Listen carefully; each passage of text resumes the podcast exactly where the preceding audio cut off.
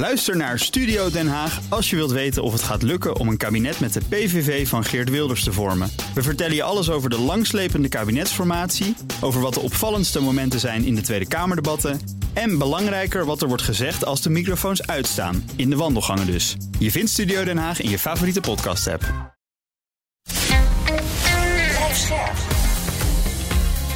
BNR Nieuwsradio.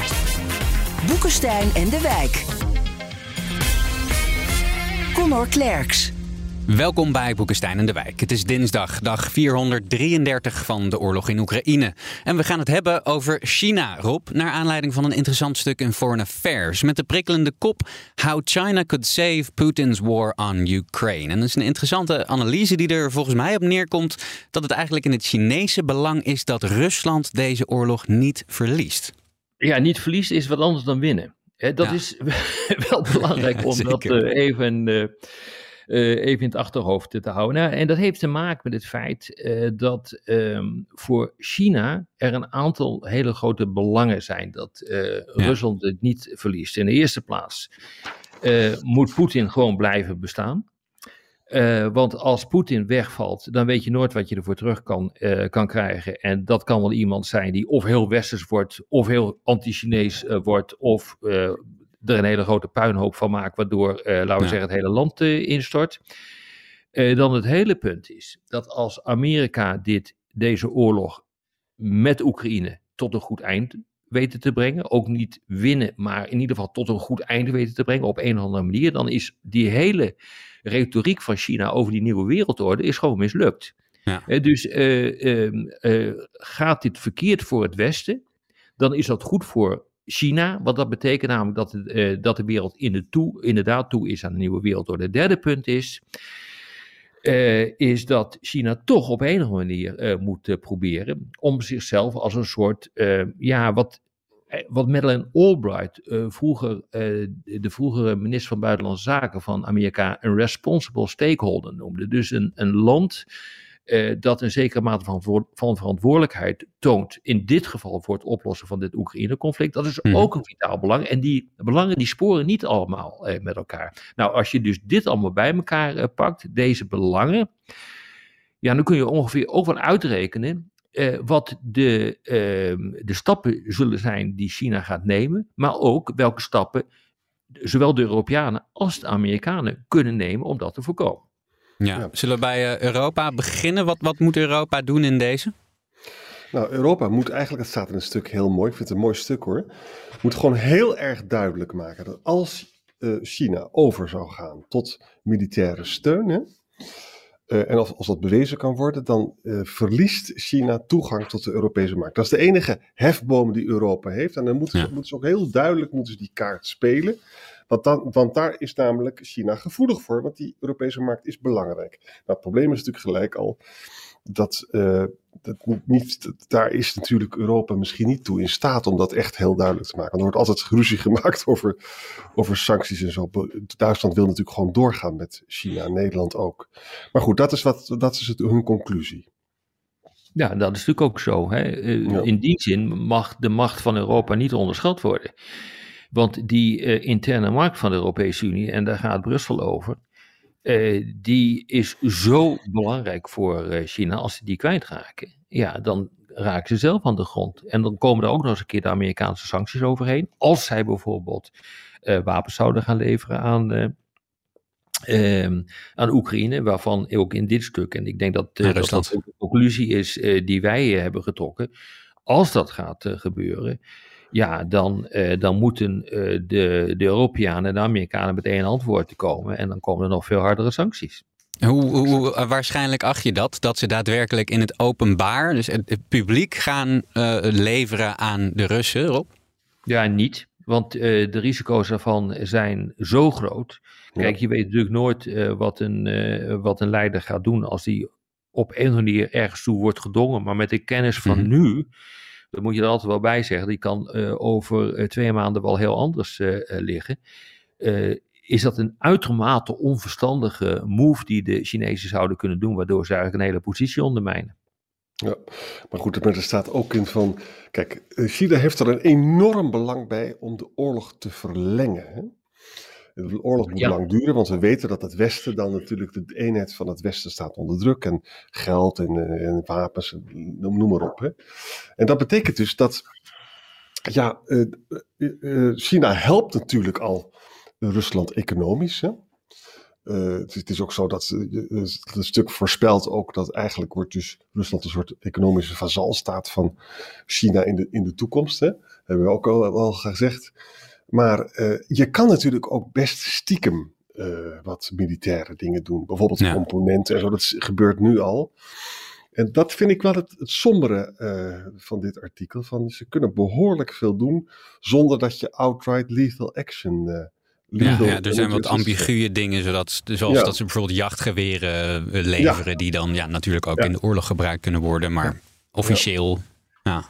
Maar, maar, maar wat, waarom het ook ongelooflijk belangrijk is dat we dit stuk ook bespreken, is dat het zo duidelijk maakt wat hier op het spel staat. Hier, hier, hier, hier staan twee ideeën tegenover elkaar over hoe de wereld geordend moet worden. Ik, ik denk dat dat gewoon de kern van de zaak is.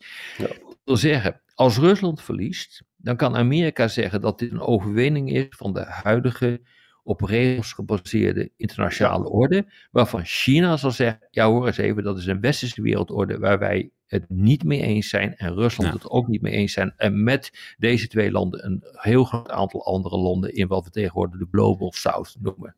Dus het zuidelijk halfrond. Dus dat is een enorme klap voor eh, China. En daarmee verliest China dus ook feitelijk aanzien en verliest het zijn mondiale positie. Eh, en ja, daarmee wordt het eigenlijk gewoon een, een, een terugst, uh, terugstuk, een, ja, een stuk teruggebombardeerd, bij wijze van spreken, in de tijd. Ja. Dus, en dat betekent dus erop dat als die oorlog dus langer duurt, hè, dan kan China zeggen: ja, maar dat komt ook omdat we in die westerse internationale wereldorde nog zitten. Die moet ook anders. Hè? Ja. Dat vind ik ook zo slim van dat stuk. Hè? Want dat is, met andere woorden, China heeft gewoon belang bij een verlenging. Hè? Nou, waarom, nog eventjes eh, wat met meer details, want dat is toch wel heel interessant hoor. Waarom mag Poetin dus niet vallen, om het zo maar te zeggen? Hè? Nou, China is ontzettend bang dat Rusland uit elkaar valt. Hmm. Uh, het is de, de, de energie is natuurlijk van Rusland, hè, de gas en olie is toch ook belangrijk voor China. Ook de markt is belangrijk. Hè. Daarnaast als Rusland in elkaar valt, dan heeft China niet meer zo'n mogelijkheid om handel te drijven met Centraal-Azië en de Zuid-Caucasus en misschien zelfs Europa. Hè? En je weet, bijvoorbeeld Kazachstan wordt altijd uitgespeeld eh, ten opzichte van Rusland. Hè? En alles wordt onzeker als daar een desintegratiescenario uh, zit. Dus met andere woorden, in, in die zin is uh, China dus juist een status quo macht. Poetin moet aan de macht blijven met als doel dat je dus, het revisionisme bestaat eruit dat je de wereldorde wil veranderen. Dat is eigenlijk het verhaal. Het is een heel ja, en dit betekent, maar hier staat echt heel veel op het spel. Ja. Uh, dus dit betekent, uh, en dat is, ik heb vaak het gevoel hoor, dat dat uh, de gemiddelde Europeaan totaal ontgaat wat hier op het spel staat. Dit betekent dus dat er ook een enorme prikkel is voor alle partijen, voor de Europese Unie, de Amerikanen, de Russen, de Chinezen, door te gaan tot aan het gaatje. En, en, en, en dit betekent dus ook dat China zich niet kan permitteren dat het uh, door, uh, laten we zeggen, een, uh, een hele effectieve manier van bemiddeling snel komt tot een einde van, van deze oorlog. Waardoor ook Amerika kan zeggen van, ja, uiteindelijk hebben we nu gezegevierd met onze huidige wereldorde.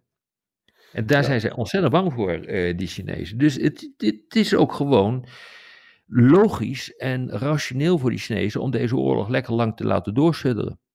En de ellende is, jongens, dat de mogelijkheid van China en Rusland om die oorlog te verlengen, die moet niet onderschat worden. Want we weten dus dat de Amerikanen ontzettend bang zijn dat de Oekraïners niet zo heel veel terrein zullen veroveren.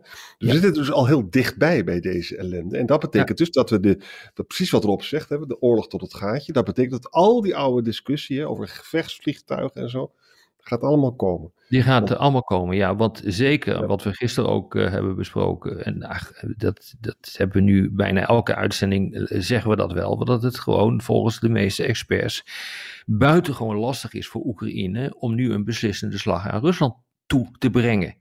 Ehm, en de bezette gebieden grotendeels te gaan te gaan heroveren. Dus dit betekent gewoon uh, dat China zijn zin zou kunnen krijgen dat dit een hele lange uitputtingsslag gaat worden. De intentie van China, die, die, die uit dit stuk eigenlijk een beetje blijkt, de houding van China, kan dat voor de Amerikaanse steun niet ook positief werken in het, in het voordeel van Oekraïne? Want in, in, Amerika zijn ze natuurlijk heel erg verdeeld, maar tegenover China best wel de neus dezelfde kant op. Ja, dat is absoluut zo, uh, Connor, wat je, wat je zegt. Dat zou ook moeten gelden voor Europa. Er is alleen één probleem. We leven in democratieën.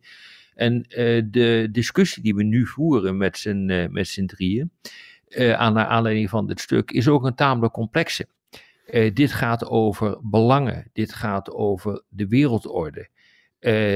om in een, ehm, in een democratie steun te, te behouden van een groot deel van de bevolking, uh, ja, zijn deze argumenten waarschijnlijk onvoldoende. Daarvoor hmm. zijn ze abstract. Ja. Uh, en, en, en, ook nog het punt, Rob, ook nog het punt, want dat is ook zo angstaanjagend. Amerika heeft er nooit enige twijfel over laten bestaan dat uh, China en Taiwan belangrijker is dan Oekraïne. Ja. Dus dat betekent als het dus een hele lange oorlog wordt, dat ja, de, de krachten in Amerika die dan niet meer zoveel steun willen verlenen, worden gewoon groter. Ja. En zeker, ook dat staat ook nog in het stuk, als dus China dus uh, bijvoorbeeld die steun opvoert aan, uh, aan Rusland om de aandacht af te leiden van mogelijke aanval in Taiwan. Dat is ook allemaal nog denkbaar, hè? dat soort scenario's. Ja. Dus het is niet een stuk uh, waar je nou vrolijk van wordt. Nee, dit, maar ja, goed, dat is het nooit. Maar dit, dit is wel geopolitiek op zijn best. Ja. Uh, dit is echt, kijk, weet je, iedereen roept tegenwoordig maar dat alles geopolitiek is. Maar geopolitiek gaat echt op, over het systeemniveau van de internationale betrekkingen. En dat betekent uh, dat dat per definitie gaat over de grootmachtspolitiek. En de grootmachten zijn hier dus op dit ogenblik aan, uh, aan, aan zet. en dat, dat betekent dus dat er een aantal hele grote spelers zijn.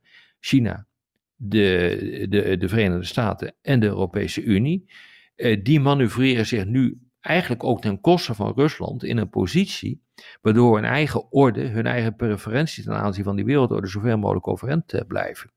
En, en en dat is echt wel heel bijzonder. Dat hebben we gewoon in eeuwen niet meer meegemaakt hoor. Hmm. En geopolitiek gaat vooral ook over geografie, geografische positie.